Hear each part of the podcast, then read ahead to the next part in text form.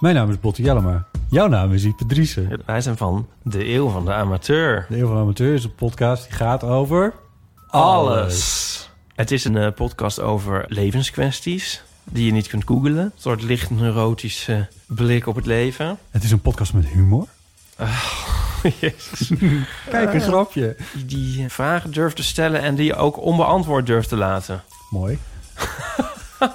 met een regenboogvlagje. Dat, dat noem je queerbot. Dat an- regenboogvlag, dat klinkt echt als een soort... Eh, ik bedoel, iedereen is welkom. Kom ons luisteren in je favoriete podcast-app.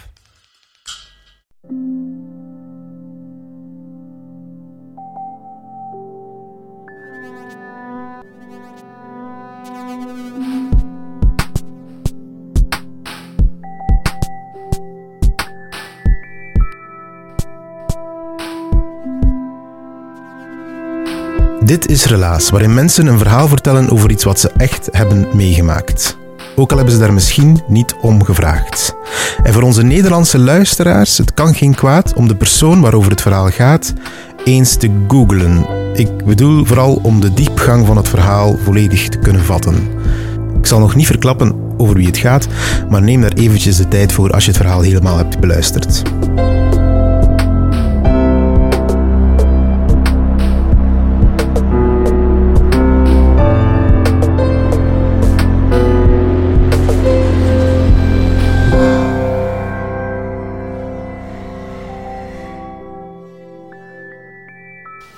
Beeld je even in. Je zit op een date met een PV, een grote, rondborstige dame, met een hele hoop mensen die naar u aan het kijken zijn, een paar camera's die op je gericht zijn. En je probeert, je doet er alles aan om niet te kijken in haar decolleté. Dat is exact wat er mij over, over, eh, overkomen is, twee jaar geleden toen ik mij inschaf, toen ik, mij, toen ik meedeed aan het programma Wie wordt die ideale man van Leslie Ann Poppen. Een programma dat, eh, dat werd gecreëerd door het magazine Story. En het kwam ook op YouTube. Dus niet op tv, maar wel op YouTube en in de Story. En het begon op kantoor. Ik kwam juist aan. Ik werkte op een vastgoedkantoor. En het was een hele mooie lentedag, zo een beetje gelijk nu. En ik was goed gezind en de collega's waren met elkaar aan het babbelen. En iemand had blijkbaar juist de story gelezen en dat ze dus op zoek waren naar wie wordt de ideaal man van Leslie Ann Poppen. En ik passeerde net en ze zeiden van, ah Matthias, is dat niks voor u? Ik voelde me natuurlijk geflatteerd. Hè, als, ze dachten misschien als mij als ideale man. Eh, maar ik denk dat het meer bedoeld was als grap. Dus ik reageerde gewoon heel spontaan. Ik zeg van, ah wel, dat is goed, schrijf me maar in. Dus ze schreef, "Ai, ik dacht van ja, ze zullen er niks mee doen. Ik ga terug naar mijn, naar mijn, naar mijn bureau. En plots krijg ik zo van die e-mailtjes, zo van, ah, en, en wat is uw hoogte en uw leeftijd en zo allemaal. Dus blijkbaar was echt wel serieus. En ik zag zo al twee collega's daar wat verderop, zo, eh, zo samen zitten aan de computer, zo allemaal te gniffelen en zo te giechelen. Ai, Dus ik dacht van, oké, als, ik het dan als ik me dan toch inschrijf, ja, dan kan ik het beter goed doen. Dus ik ben er naartoe gegaan. Ik heb ze wat hulp gegeven bij de, bij de invulling zeg maar, van, de, van de aanmelding. En ook al, het was eigenlijk... Op zich, Ann Poppen is helemaal mijn type niet. dat is ook belangrijk om te weten. Maar ik hou graag van uitdagingen en ik dacht, het leek me wel leuk om gewoon zoiets voor de grap in te schrijven. Ik zou dan toch bezig zijn. Ehm, en je weet nooit wat er, wat er kan gebeuren. Dus ik had, ik had dan geschreven, het liefste Leslie Ann. Al vanaf, dat, al vanaf de eerste keer dat je op tv kwam bij Komen Eten, heb je bij mij een blijvende indruk nagelaten. Vooral dan je spontaniteit, gekheid en het je m'en fous gehalte. Sindsdien heb ik u helaas niet meer gezien, aangezien ik mijn tv heb weggedaan.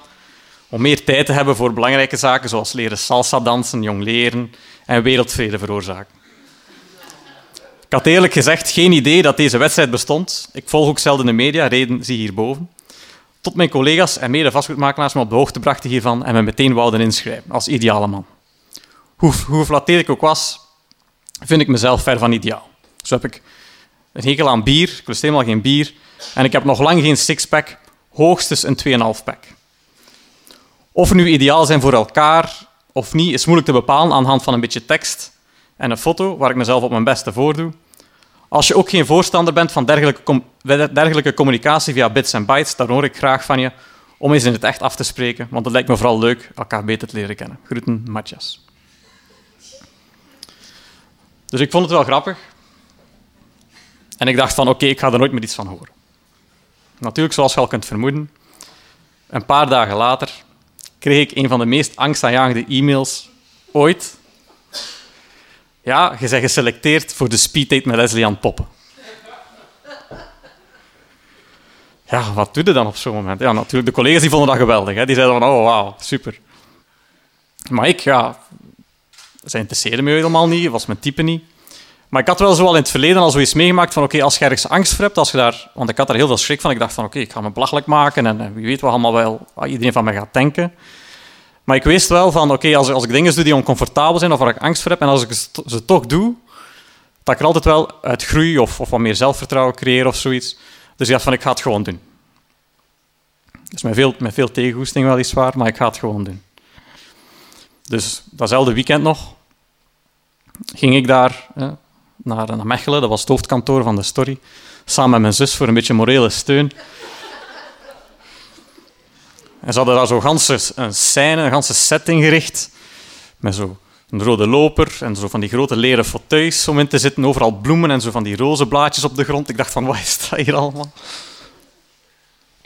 En dan kreeg je zo van die interviewvragen op voorhand. Hè, zo van, ja, en wat vind je van Leslie Jan Poppen? En is ze geschikt voor u? En, ja, en moeten dan zeggen? Zo van, ja, nee, ik kom hier gewoon voor de grap. Of, hey, dus, dat kun je moeilijk zeggen. Dus, dus ik speelde daar zo'n beetje mee, zo wat diplomatisch antwoorden en zo.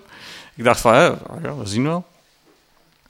En ja, die vijf minuten, toen we daar zaten... Ja, je denkt van, oké, je zit alleen op speeddate met Leslie Jan, maar dat, dat zijn dus een ganse crew die erachter zit, een geluidstechnicus, een cameraman. Uh, en dan zo twee van die gigantisch grote camera's die echt op je gericht zijn. Overal lichten ook. En dan ergens in de verte, of in de coulissen, zit er dan nog een jury. Hè, want natuurlijk, Lesjan kan dan niet alleen beslissen wie dat haar ideale man is. Dus een jury uit een paar bekende Vlamingen, hè, Joke van de Velde, Kaat Bollen en dan nog uh, Jochen van Hout van Clientology, die, waren haar dan, die gingen haar dan steunen in haar, in haar keuze. Hè. Dus die zat dan daar ook ergens mee te kijken. Dus ik zat daar. Ik had, ik had, en we moesten allemaal zoiets meenemen, een cadeau of een act of zoiets. Ik had zo wat jong leerballen meegenomen. En ik had dus wel de goede, de goede one-liner voorzien voor om binnen te komen. Ik zei van, ah, ik ben Matthias en ik heb mijn ballen mee. Dat was al een goed begin, dacht ik. En dus tijdens die vijf minuten heb ik even gejongleerd. Maar ik had mezelf al, al, al verteld... Ik, ik, ik had heel veel schrik van als ik even zou, mijn ogen zouden afdwalen, want het zat zo'n heel strak rood jurkje aan, dan zouden ze dat kunnen monteren alsof ik vijf minuten lang gewoon naar haar decolleté heb gekeken. Dus ik dacht van, mij gaan ze niet liggen. Hè? Ik ga absoluut in haar ogen blijven kijken, of al sinds niet naar beneden, naar onder dalen.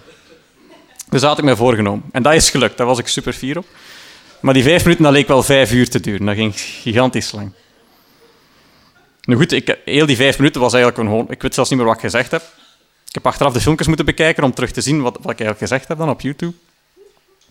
En ik was vooral blij dat het gewoon, dat gewoon gedaan was. Ze gingen me nog dezelfde avond iets laten weten. Ik heb uiteindelijk niks meer gehoord, dus ik dacht van oké, de kous is af. Tot ze de, de volgende dag opbelden en zeiden van Matthias, goed nieuws voor u. Je mocht door naar de volgende ronde.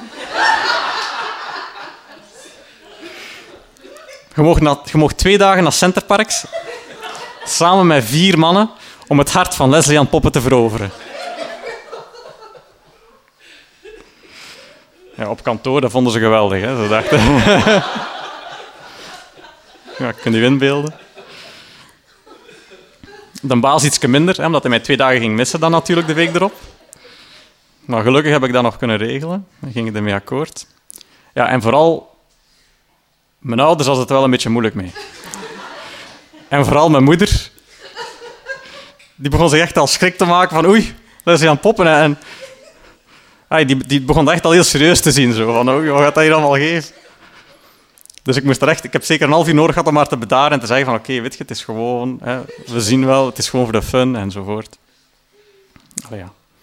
Dus de week erop, ik in het Centerparks. Hè, met mijn valiesken en zo. En uh, ik kom eraan. We kregen direct, ik kreeg met een cottage. En daar, hè, dus samen met, vier andere mannen, was ik dus aan het wachten.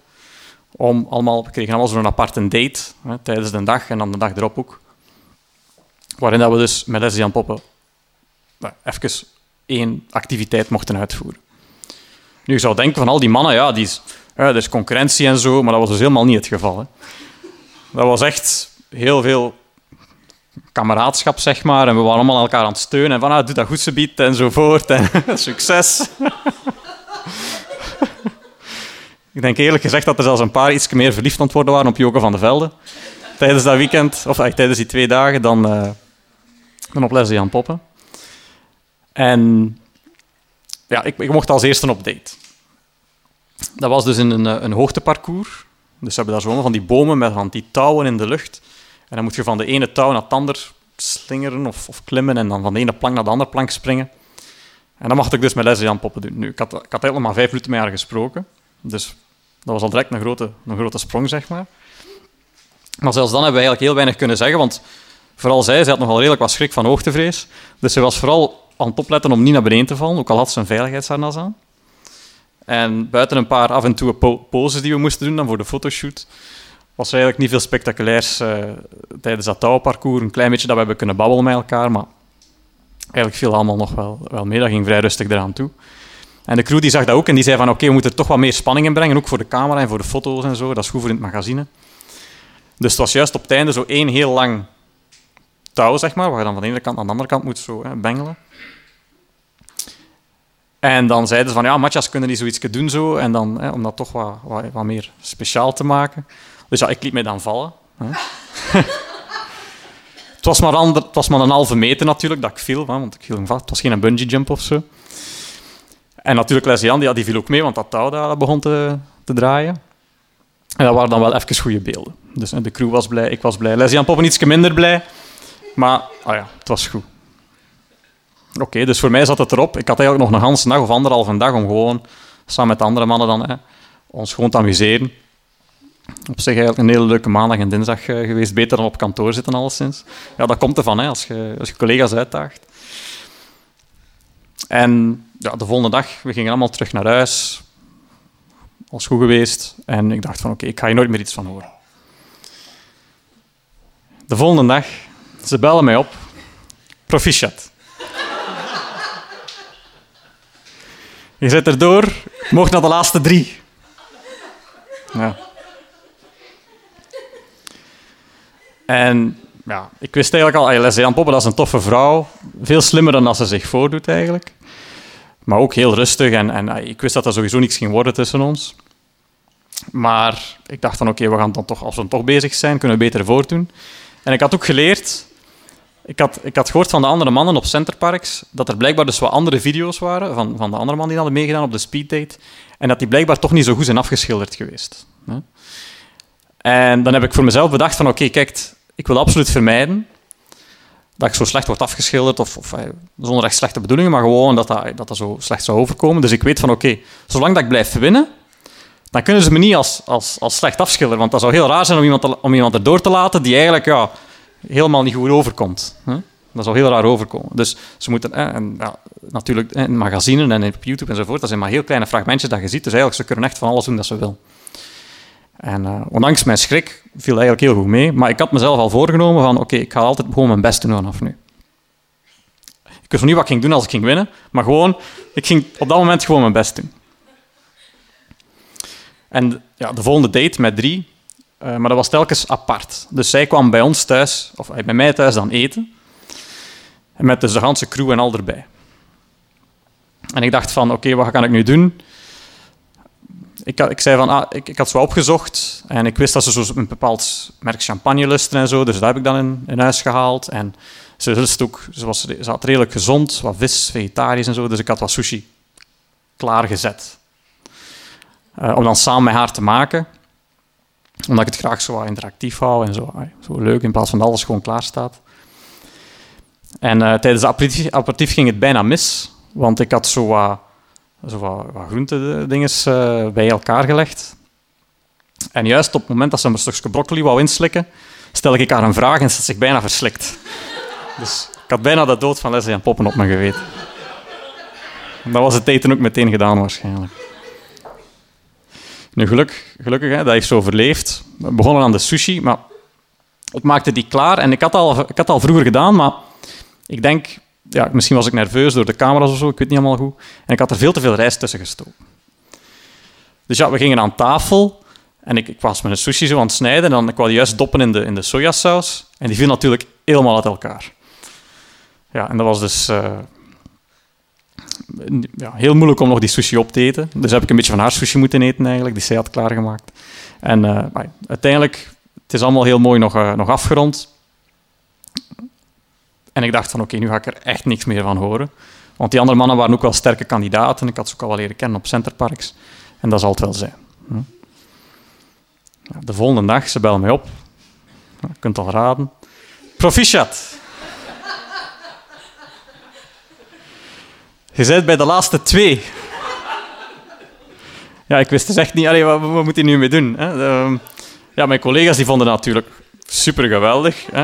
Op dat moment had ik besef van, ik had eigenlijk een weddenschap moeten aangaan. Hè? Want mensen vragen mij soms van, heb je dan heb je gewet of zo? Ja, niks, want ik had nooit gedacht dat ik zelf zou geselecteerd geweest zijn. Dus dat heb ik nu achteraf geleerd als ik zoiets doe. Altijd een weddenschap afsluiten. En ja, mijn moeder die was helemaal in paniek. Die was helemaal in paniek. Die, uh, ja, die begon al... Hè, ze had al zo, zo op haar laptop had ze zo al een, een, een dingetje geplakt voor de webcam, want ze dacht dat ze overal gefilmd ging worden en zo. Dus daar heb, ik, daar heb ik heel lang voor nodig gehad om haar daarin gerust te stellen. En uh, ik heb zelfs uh, de laatste date dan echt alles uit de kast gehaald. Want ik weet, de andere kandidaat, een heel sterke kandidaat. En uh, hij maakte wel veel kans. Als ik gewoon keek, ik denk dat ze ook wel goed bij elkaar pasten. Maar ik dacht van, ik ga me toch niet zomaar gewonnen geven. Dus ik wou alles uit de kast halen. En de laatste date was in, in mijn geboortestad dan, Sint-Niklaas. Toevallig ook waar zij een, een, aantal jaren is opgegroeid. Gingen we samen Sint-Niklaas wat rondtrekken en wat verkennen. Dus een halve dag samen. En ik had dan uh, van, mijn, van mijn ouders zo'n tandem geregeld. Een tandemfiets. En we hebben dan samen wat rondgefietst. In, in de stad eigenlijk was dat meer zo het eerste half uur gewoon rond de grote marktfiets. Totdat we een goede foto hadden. En totdat we niet gestopt werden om de paar minuten door, door van, die, van, die, van die jongeren die dan een foto hadden met Leslie. Wat ook wel een hele belevenis was. Of hij niet gewoon was om... Uh, dan ben ik toch niet gewoon op dates dat ze foto's vragen van de persoon met wie dat ik op date ben. We hebben rondgefietst, we gingen naar haar school, even daar wat rondgewandeld, wat gebabbeld, wat foto's genomen. En dan zijn we verder gegaan. Ik had, uh, ik had zo'n picknick geregeld in het park en ook een, een salsa-band ingehuurd. Voor, voor op de kiosk. Dat was zo'n kioske. En dan ging ik haar wat salsa leren dansen. En dat was eigenlijk ja, volledig... Eigenlijk nog goed gelukt, moet ik zeggen. Um, zij heeft nog nooit salsa gedanst, dus dat was wel wat raar. Uh, we hebben eigenlijk de hele tijd gewoon dezelfde move gedaan. Maar af en toe heb ik wel nog zoiets een draai gedaan en dan nog een andere draai. En dat was goed genoeg voor de camera, dus dat was het. Dat was een goede salsa. De picknick, lekker. En iedereen naar huis. Ik dacht van oké, nu is het echt gedaan. Natuurlijk, we moesten nog naar de finale. Dat was dan in zo'n hotel hier ergens in Antwerpen. Uh, een soort van bed and breakfast. Ook heel mooi ingericht waar we dan elk in een aparte kamer gingen zitten, in afwachting van de uitslag. Nu, ondertussen, daarvoor had ik al... Ja, dus ondertussen, de jury was natuurlijk aan het beslissen. En daarvoor had ik al samen aan de bar eigenlijk met, met, met Nico, hè, een andere kandidaat, dan gezeten. En we waren eigenlijk al aan, aan, aan het gokken van, oké, wie gaat er nu winnen? En we gunden het elkaar om te winnen, maar oprecht. Zo, nee, maar jij mocht winnen. Nee, nee, nee, jij mocht winnen. Want de winnaar ja, die mocht dus een week lang op cruise met Leslie. En dus heel de crew en alles erop en eraan. Omdat hij dan de ideale man zou zijn. Dus we gingen in onze kamer heel sterk afwachten. Ondertussen natuurlijk de camera en de journalisten die kwamen en zo van hey, Matthias, hè, zijn er nu verliefd? En, en hoe graag wilde winnen? En past ze goed bij u? Wat vindt van de andere kandidaat? En zo al die vragen die kwamen dan naar boven natuurlijk. Ja, en nog altijd zo heel diplomatisch proberen antwoorden, zo, om het toch wat spannend te maken. En, oh je kunt moeilijk zeggen van ja, nee, ik ben niet verliefd. En als ze dan toch u kiest, dan zit het daar. En je kunt moeilijk zeggen ja, ik ben verliefd. En als je dan niet kiest, ja, dan, dan zit het er ook mee. Dus je moet altijd zo wat tussenin, moet altijd zo wat tussenin antwoorden. Zo van ja, ik weet het nog niet, ik moet er altijd een beetje beter leren kennen, zeg ik dan. Misschien ermee dat ik ook zo ver geraakt ben, dat weet ik niet. Uiteindelijk, de deur gaat open en wie komt er binnen? Iemand van de crew. Je hebt niet gewonnen, sorry. Dat was mijn verhaal met Leslie aan Poppen.